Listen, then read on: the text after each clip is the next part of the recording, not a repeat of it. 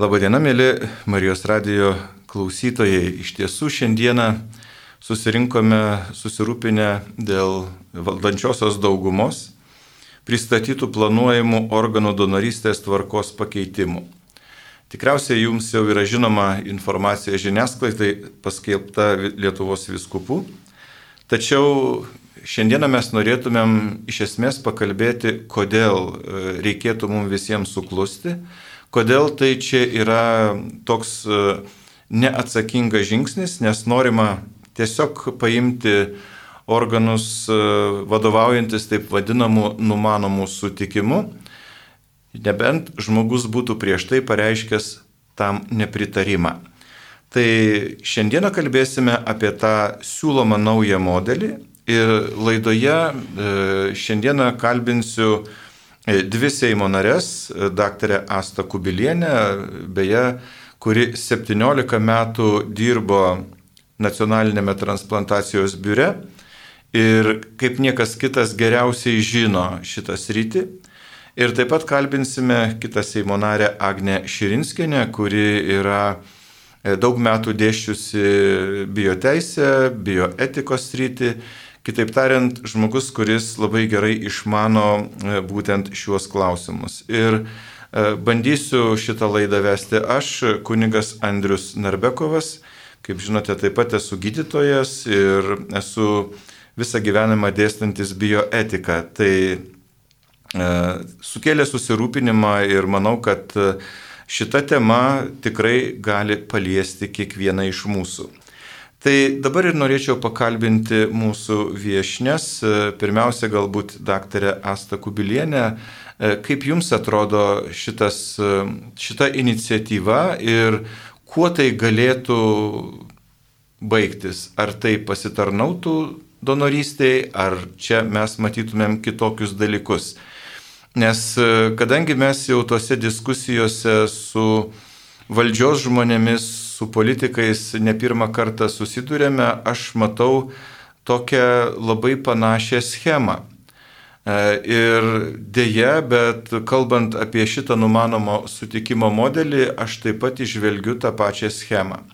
Mes susidūrėme keliais tokiais sunkiais klausimais, kada buvo kalbama apie paauglių mergaičių neštumus ir didžiulę čia problemą. Ir štai mes matėme modelį tokį, kuris ir kartojasi laiks nuo laiko, kada yra kalbama, jog tai reikalinga žmonėms, e, įjungiami pacientai, tai yra atstovaujami pacientų interesai, bet ilgainiui labai aiškiai pamatome, jog tie žmonės buvo tik tai įkaitai.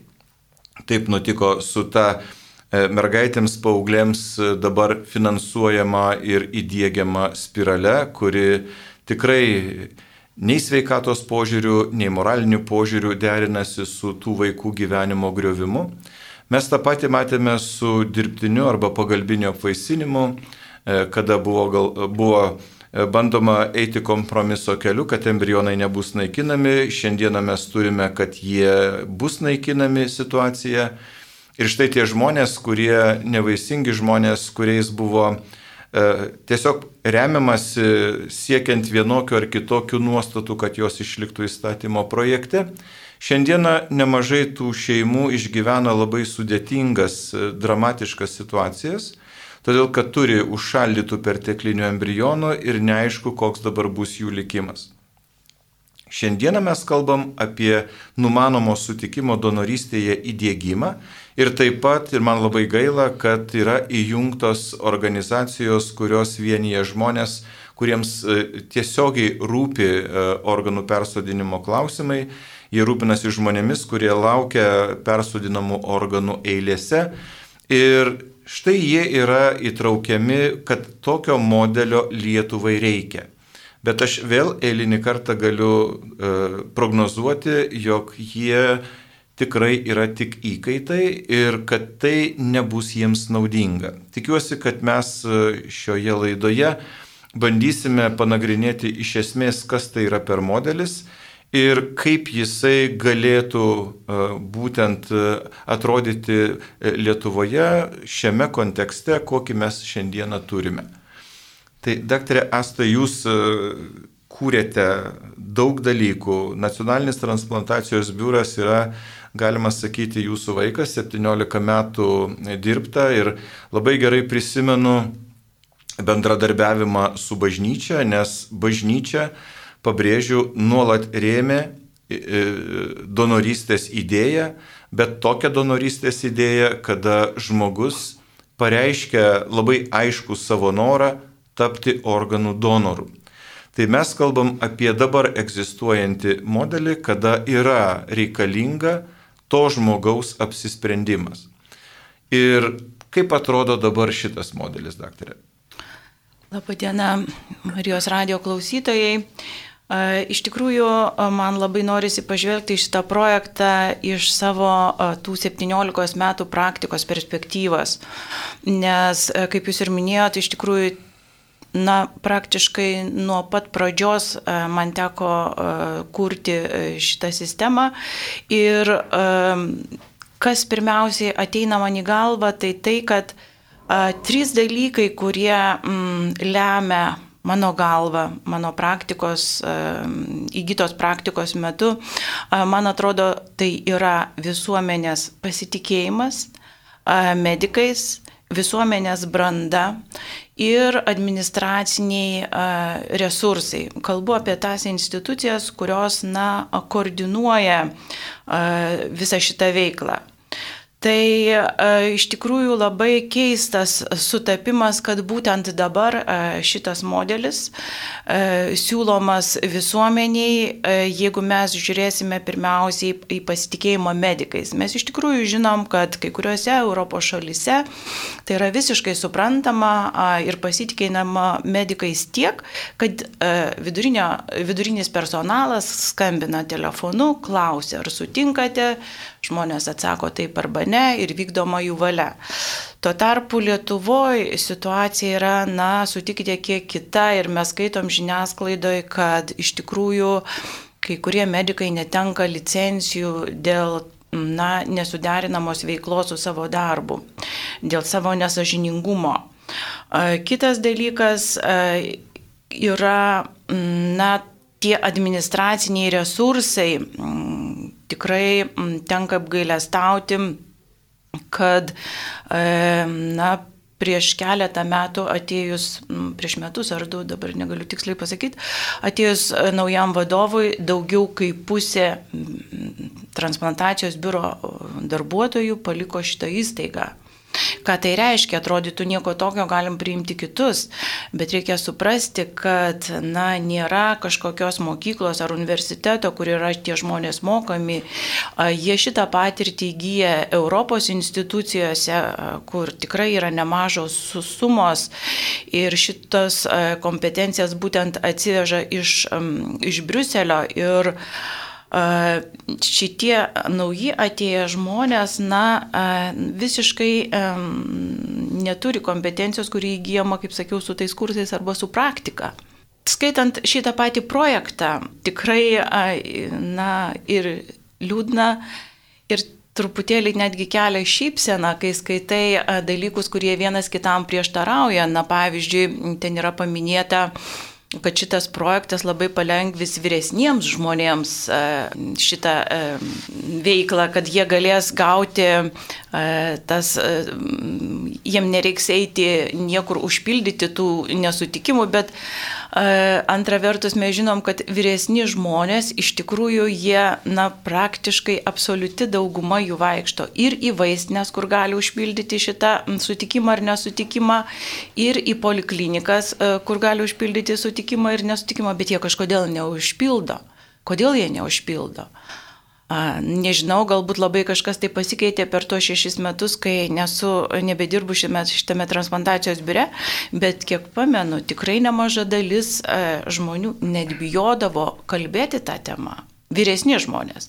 Reikia pasakyti, kad iš tikrųjų per 17 metų daug kas pasikeitė, bet būtent ta dalis, vyresnių žmonių dalis ir buvo ta silpnoji grandis. Ir antra vertus, na, manau, kad mes iš tikrųjų turėsim, na, tokį praktinį chaosą, aš nelabai įsivaizduoju kaip reiks elgtis patiems medikams. Aš manau, tai yra didžiulė našta, nes tikrai atsimenu tos atvejus, kada giminės atsisakė aukoti organus donorystiai, vis tik tai pasilikdavo reanimacijos skyriuose ir saugodavo artimuosius, nors mes sakydavom, kad tikrai mes vykdysime jūsų valią. Pagalvokime ir dar toliau, o jeigu bus paimti organai ir atsiras giminės.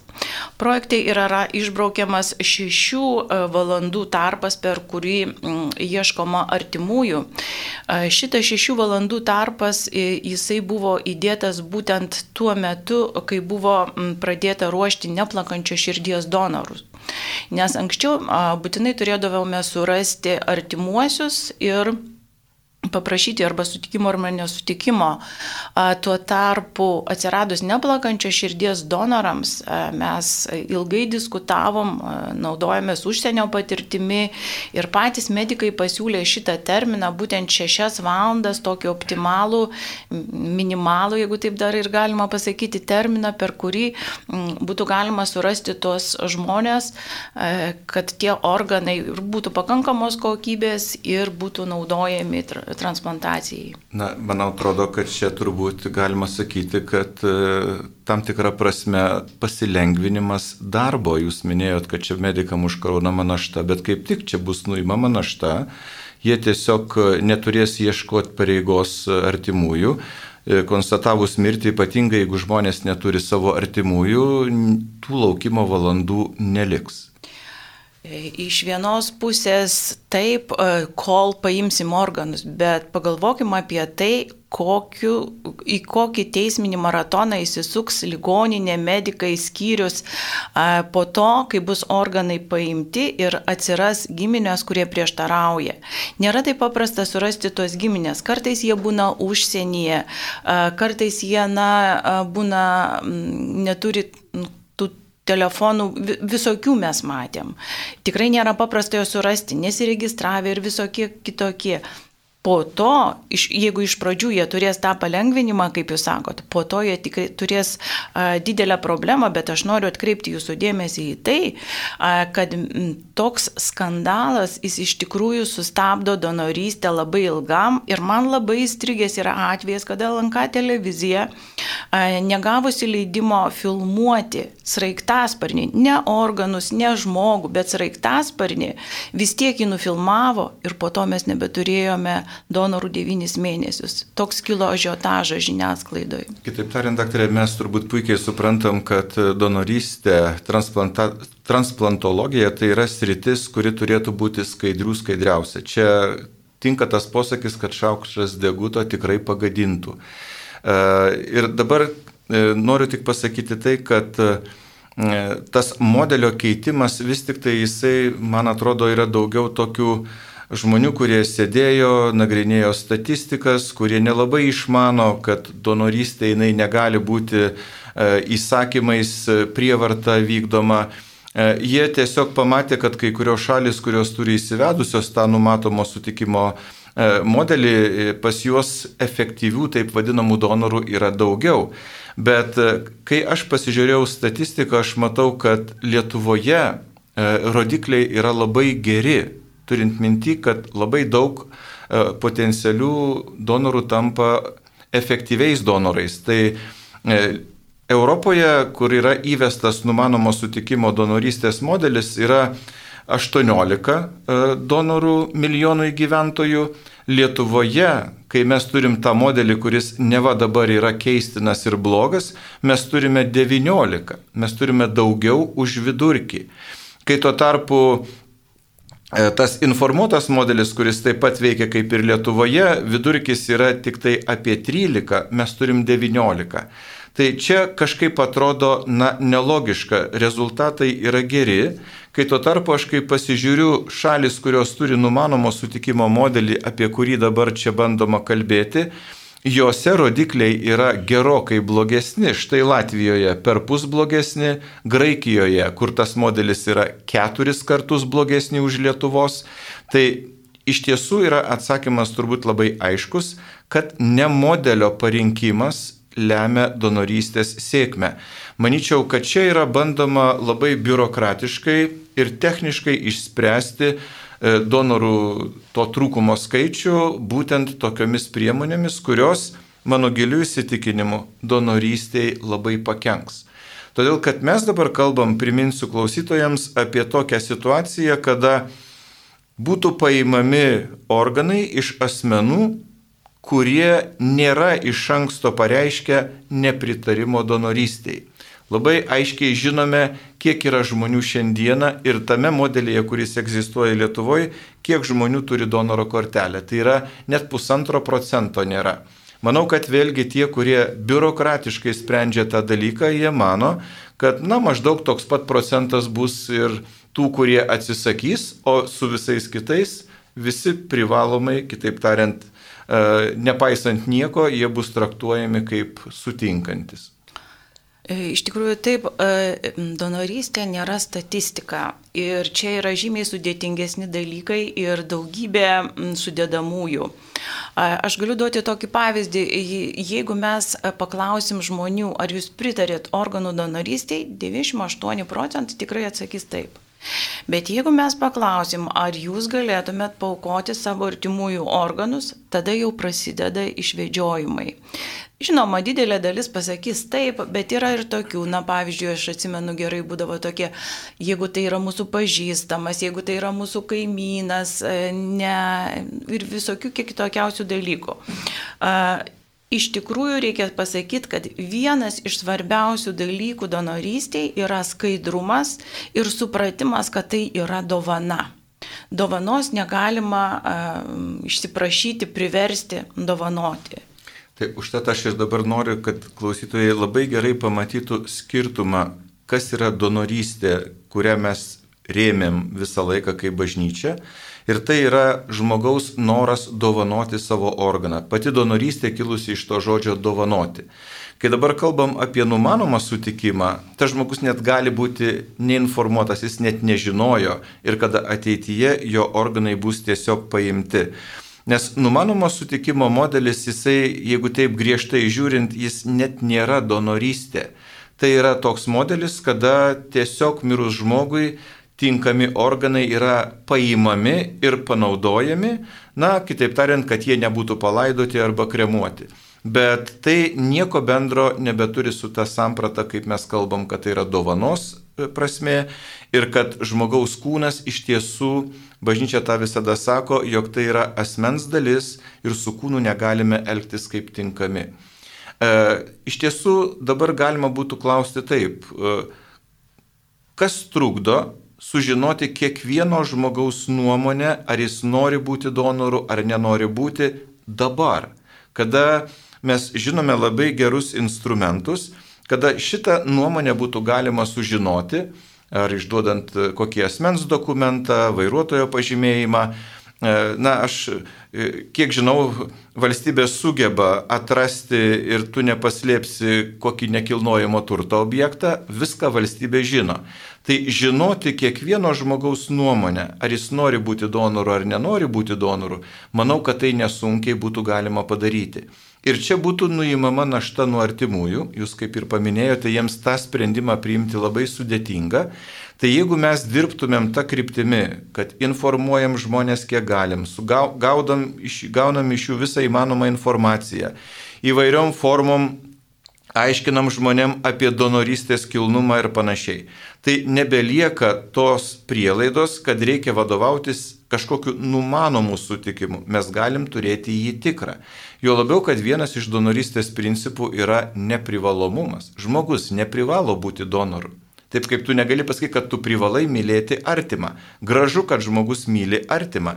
Bet dabar žmogus, kiekvienas pilietis, žinos labai aiškę situaciją, kad jis turi saugotis, saugoti savo kūną, saugoti savo organus, jeigu jisai, tarkim, nepritarė donorystiai, arba galbūt jisai norėtų tai, kad iš jo nebūtų tiesiog paimta, bet jis juos norėtų padovanoti. Tai Manau, kad mes turime visas pastangas dėti, kad dabartinę esamą e, sutikimo formą palaikyti, tik tai įdėti pastangų, o ne tik tai skaičiuoti lenteles ir, ir matyti, kokie čia galėtų būti pasikeitimai. Čia tiesiog reikia nuolatinio darbo. Ir kaip jūs minėjote, to pasitikėjimo, nes e, mes girdim dažnai, kad draudimais nieko nelaimėsi. Reikia šviesti, edukuoti. Mes labai gerai žinom tą dalyką. Bet iš tiesų čia jau yra ne tik, draudimai, bet čia būtų prievarta. O donorystė yra laisvas apsisprendimas kiekvieno žmogaus. Niekas negali jo priversti, juo labiau jam nežinant, vadovaujantis numanomų sutikimų, vėliau jo organus paimti. E, tose šalise, pavyzdžiui, Junktinėse valstijose apie tokį modelį numanomo sutikimo niekas net pagalvoti negalėtų, nes ten yra suprantama, kad žmogus yra neliečiamas, žmogus viskas, kas su juo daroma, turi būti su jo sutikimu, su jo nuostatom ir medicinoje beje mes taip pat labai pabrėžiam tą autonomijos principą, kad žmogus, jeigu nesutinka, tu nieko su juo negali daryti. O šiuo atveju mes statome žmonės į labai tokią keblę situaciją. Jeigu tu kitaip nepareiškiai, tu esi donoras.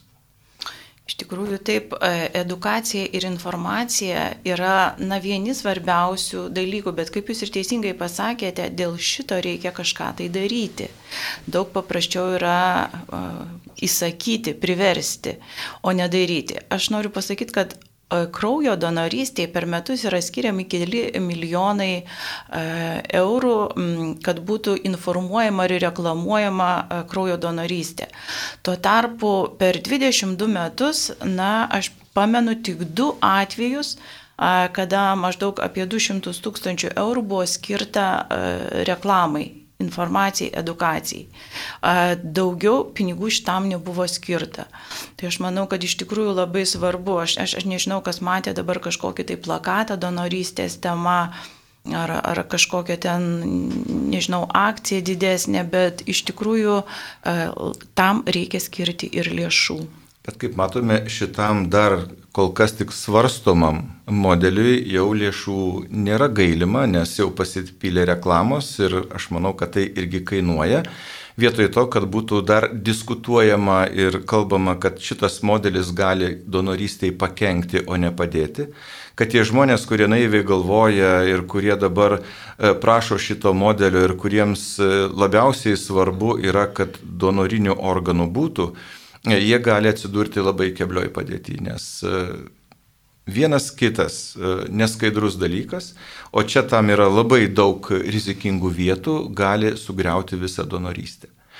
Daktarė Agnė Širinskenė, aš norėčiau jūsų paklausti, kaip jums atrodo, kokie pavojai iš šito modelio gali kilti ir ką jūs galėtumėte akcentuoti? Na, iš ties, e, žiūrint, kaip modelis yra sukonstruojamas, tai matyt, e, šešių valandų to periodo atsisakymas, jisai bus lemiamas skandalai kilti, nes nepamirškime, kad e, sveikatos priežiūros įstaigos nedisponuoja gyventojų registro domenimis. Jos registruose negali nustatyti giminių ryšių ir surasti asmenis, kurie būtų na, atsiklausti.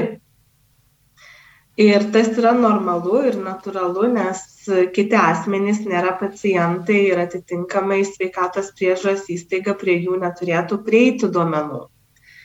Tai šiuo atveju tos šešios valandos, kaip matome ir, ir, ir kolegė Asta kalbėjo, yra tas periodas, kada yra bandoma uh, prisiskambinti ar kitaip surasti artimuosius.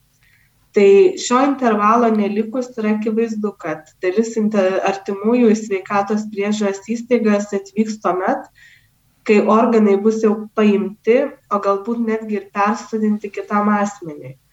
Tai šiuo atveju, na, akivaizdu, kad bus ilgas bilinėjimosi procesas, kaip ir kolegė sakė, ir praktika rodo kad ir su ta pačia kraujo donoryste kad kiekvienas skandalas jisai lemia donorų sumažėjimą. Prisiminkime kaip keturioliktais berods šešioliktais metais vyko kraujo donorystės skandalas su išvežimu į kitas valstybes buvo nustatytos neskaidrios veiklos ir jeigu neklystu netgi pradėti ikiteisminiai tyrimai tuomet e, kraujo donorų taip pat e, sumažėjo ir sumažėjo dramatiškai ir reikėjo kraujo donorystiai kurio laiko atsigauti ir pasiekti buvusios mastus. Tai natūralu, kad žmonės labai jautriai reaguoja ir kitų šalių patirtis, šalių, kurios e, yra gyvenusios ne visai demokratinėse visuomenėse ir paskui patyrusios tą tranzitą į demokratiją. Tai jų patirtis rodo, kad numanomas sutikimo modelis gali suveikti priešingai. Tai yra žmonės e, pradeda masiškai deklaruoti savo nesutikimą. Ir to pavyzdys yra Čilė, kuri praktiškai praėjus keliams na, dešimtmečiams po diktatoriaus Pinocheto nuvertimo pabandė įsivesti numanomą sutikimo modelį. Ir žmonių pasitikėjimas medicina bei valstybė, kaip beje ir Lietuvoje, Čilėje buvo mažas. Tai praktiškai, kadangi ten žmonės galėjo nesutikimą pareikšti su teisų gavimu, tai apie trisdešimt septynis procentus čilės gyventojų su teisų gavimu ir pradėjo reikšti savo nesutikimą. Dar norėčiau jūsų paklausti, gal jūs turite kokiu nors e, konkrečių daugiau detalių apie tai, kad e, na, pasaulinė praktika rodo, kad ten, kur yra tas numanomas sutikimas, e, iki kito būdo, kaip paimami organai, būtent priekyba organais, E, ta sąsaja yra labai tokia e, tikėtina ir e, kai kur tai tampa labai rimta problema. Kaip Jūs manytumėte, ar tas numanomo sutikimo modelis negalėtų mus nuvesti, kaip sakoma, truputėlį link to, kad mes jau iš viso kalbėsime apie priekybą organais? Na, kas galėtų paneigti, ypač žinant, kad korupcijos mastai Lietuvos sveikatos sistemoje yra pakankamai dideli. Tai šiuo atveju asmens sutikimas buvo iš esmės paskutinis saugiklis, kuris leido ne užsitikrinti, kad priekybos greičiausiai galimybės yra nedidelės. Na, žinote, Bet... dabar aš, e, e, kai dabar girdžiu e, mūsų politikus, kurie šitą modelį norėtų įgyvendinti, išgirdę, jog mes kažko galim čia nepasitikėti ir kažko būti įtarus, manau, kad mes tam turime pagrindo, todėl kad tas numanomo sutikimo modelis, jisai turi du variantus. Ta vadinama minkštąjį variantą, kurį ir bandoma siūlyti Lietuvai, kad, kaip jūs minėjote, tą saugiklį, kuris yra laisvas sutikimas, bet dar ir artimųjų sutikimas arba ne, dar toks kitas saugiklis. Tai bandoma sakyti, kad dar bus artimųjų sutikimas, suprask, čia bus saugiklis, bet mes žinome, kad kietasis modelis nebereikalauja artimųjų sutikimo, O žinant, kaip Lietuvoje vyksta su įstatymų prieimimais ir e, pasitikėjimo mes neturim, kaip pavyzdžiui buvo, jog nebus naikinami embrionai, šiandieną mes turim, kad yra naikinami. Tai dabar pasitikėti, jog bus švelnusis modelis, o rytoj nebus kietasis, tikrai mes ne, tiesiog negalim, mes ne, ne, ne, negalim savo to leisti, todėl kad tuomet jau tada būtų pabaiga, nes apskritai visi mirusiųjų kūnai taptų vos ne valstybės nuosavybė ir būtų daroma su jais, kas tik tai norima. Na, sovietmečiu buvo žmogaus kūnas valstybės nuosavybė, tai greičiausiai nieks labai prie to na, nenorėtų grįžti, bet iš tikrųjų kalbant apie bet kurį pokytį, nekalbant tos moralinės pusės, kuri šiuo atveju tikrai yra labai abejotina, kyla klausimas ir dėl paties tikslingumo. Nes iš ties nėra pasaulyje jokių tyrimų, kurie sakytų užtikrintai, kad sutikimo modelis pagerina donorų prieinamumą. Nes netgi Ispanija, kuri dažnai pateikiama kaip pavyzdys, E, savo rezultatus pasiekė ne tik įvesdama numanomą sutikimo modelį, bet pirmiausiai, ką visi pabrėžia, įvesdama labai aiškę donorų paiešką, įvesdama koordinatoriaus pareigybę donorystės kiekviename ligoni, kiekvienoje ligoninėje, kuris iš esmės tik tuo ir užsijima, kad na, tiek e, reklamuoja donorystę, tiek ir ieško ten artimųjų ir, ir taip toliau.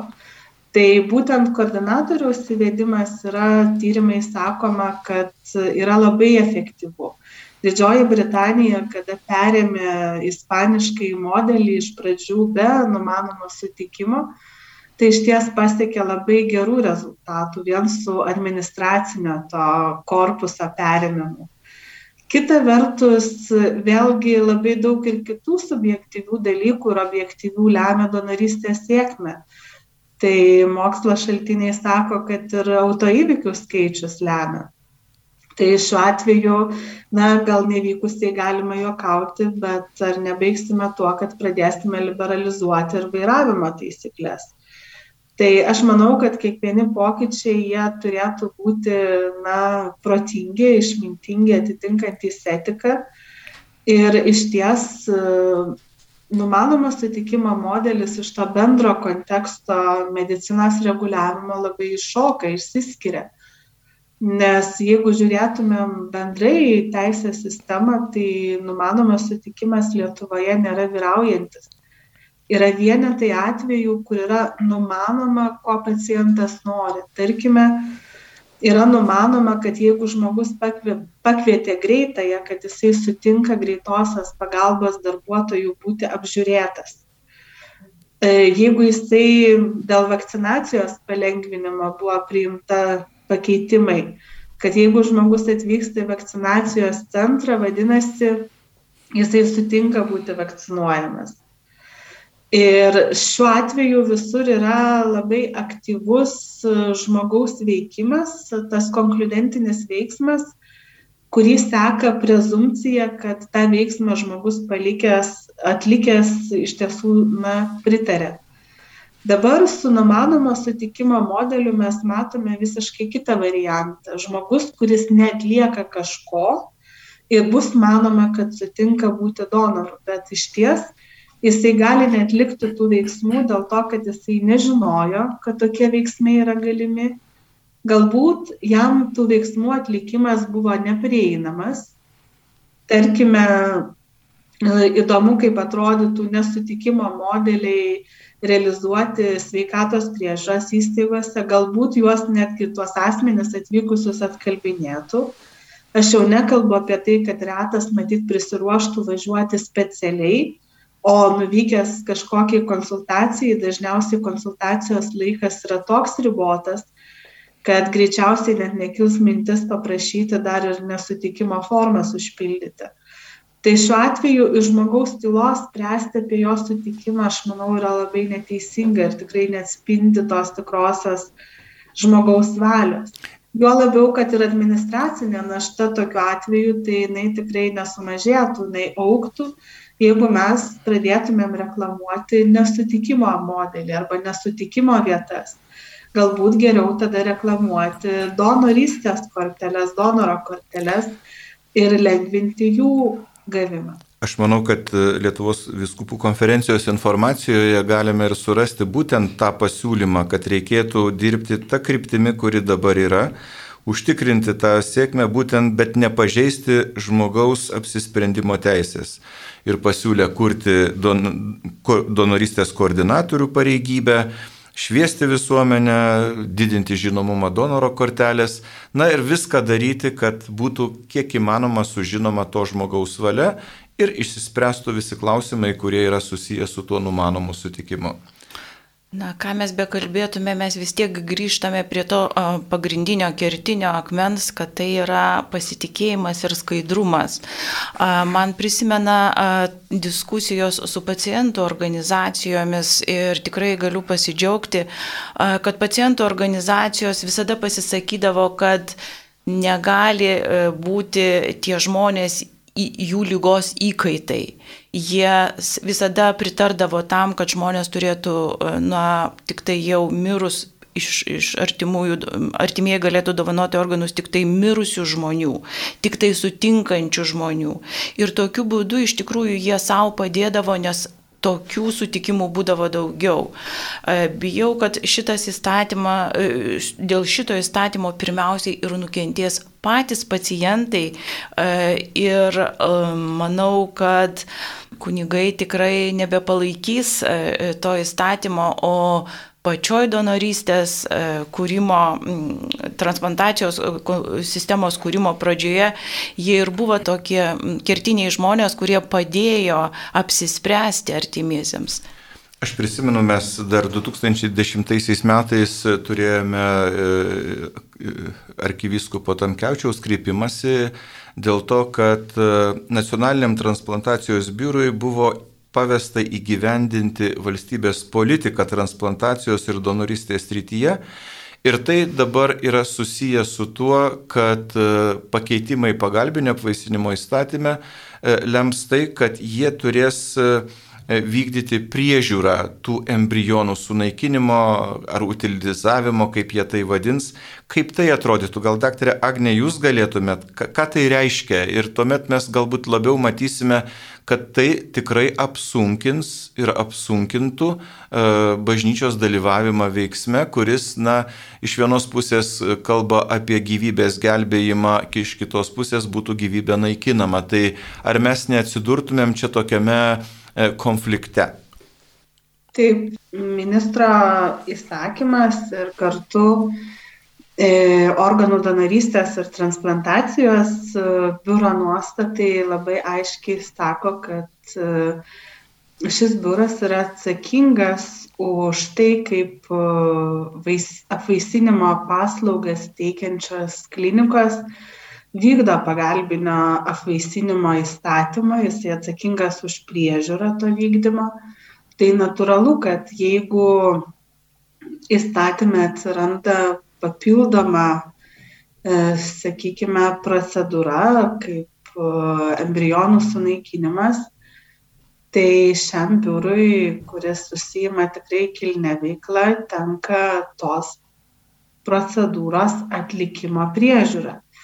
Kitaip tariant, transplantacijos biuras tikrins, matyt, po kurio laiko, ar visi embrionai yra sunaikinami sulaukus būtent įstatymę numatyto termino. Tai tokia yra situacija, kuri na, šiam biurui suteikia dabar po įstatymo pokyčių tokias papildomas, iš esmės, fatalinės funkcijas.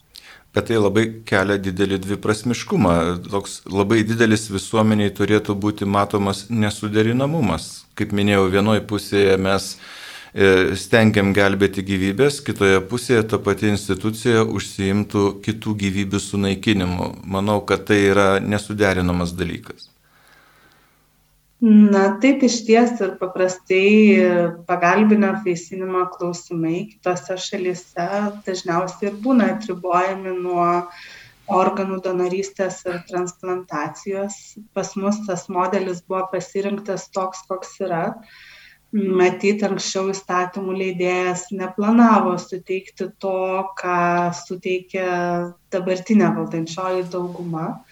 Tai yra galimybės naikinti embrionus ir šiuo atveju sukurta iš esmės tikrai yra labai dviprasmė situacija, kada iš vienos pusės biuras yra na, ta institucija, kuri stengiasi palaikyti kiek įmanoma žmogaus gyvybę ir uh, surasti kelius jį išsaugoti, iš kitos pusės tai bus institucija, kuri kai kuriais atvejais na, skelbs e, žmogaus gyvybėje mirties nuosprendį. Daktarė Asta, gal dar po kokį nors vieną uh, mintį prašom pasakykit, mūsų laikas eina į pabaigą, tai manyčiau, kad mes iš tiesų esminius dalykus palėtėm, nors čia E, ko gero liko dar daug dalykų, kuriuos būtų galima aptarinėti, bet vis dėlto, daktarė Asta. Man tai kaip žmogui kūrusiam šitą visą sistemą, donorystės ir transplantacijos sistemą, iš tikrųjų yra labai skaudu, nes e, jau akivaizdu, kad mes prarasime bažnyčios, visuomenės e, ir pacientų pasitikėjimą, bet aš manau, mes prarasime ir medikų pasitikėjimą nes e, tikrai mes turėjome ir ne vieną mediką, kur reikėjo ilgai kalbinėti, kad tai yra skaidrus dalykas, kad tai yra geras dalykas ir dabar po visų tikriausiai busimų teisminių procesų, na, bus labai sunku išjudinti juos, kad jie tuos donorus ruoštų, tai yra sunkus ir sudėtingas darbas, labai atsakingas darbas.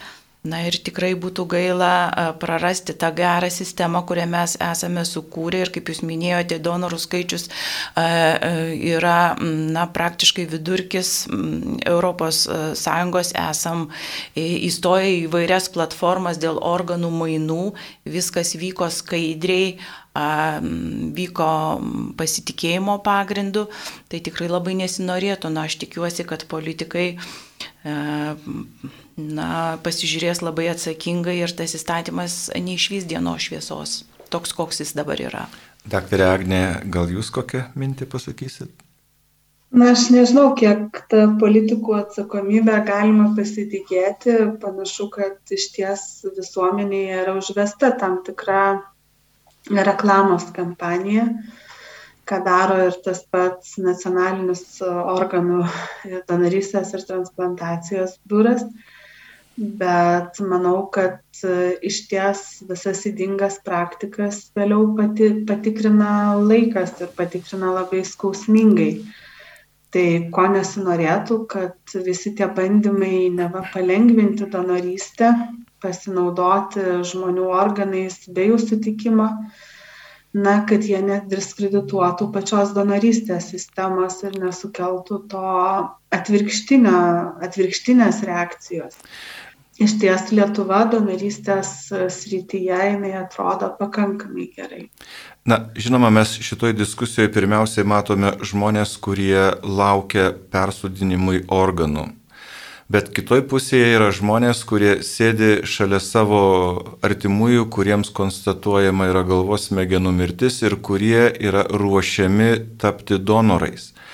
Tai taip ir norėtųsi, kad šitoje kilnioje organo padovanojimo, atidavimo, kad gelbėti kito gyvybę e, situacijoje, mes neprarastumėm ir nenužmogintumėm to donoro, kad jo orumo nepažeistumėm, kad išliktų jo galimybė ir valia, kad jis yra ne tas, kurį panaudos, bet tas, kuris dovanoja savo organus, kad kiti gyventų. Tikiuosi ir aš, kad šitos diskusijos, kurios iš tikrųjų mūsų jaudino, nes e, niekada negalvojau, kad mes turėsim aiškintis kažką dėl donorystės, tik dėl to, kad aiškintis, kad kaip pagerinti situaciją, bet čia, kai matai, kad viskas gali sugriūti, tikrai yra didelis mūsų visų rūpestis. E, tikiuosi, kad ir jūs šitą modelį matydami ir girdėdami tikrai susimastysite ir tikėkime, kad vis tik tai sveikas protas nugalės. Taigi dėkoju savo e, viešnioms, e, Seimo narėms, daktarai Astai Kubilieniai ir daktarai Agniai Širinskeniai. Su Dievu visiems. Būkite sveiki.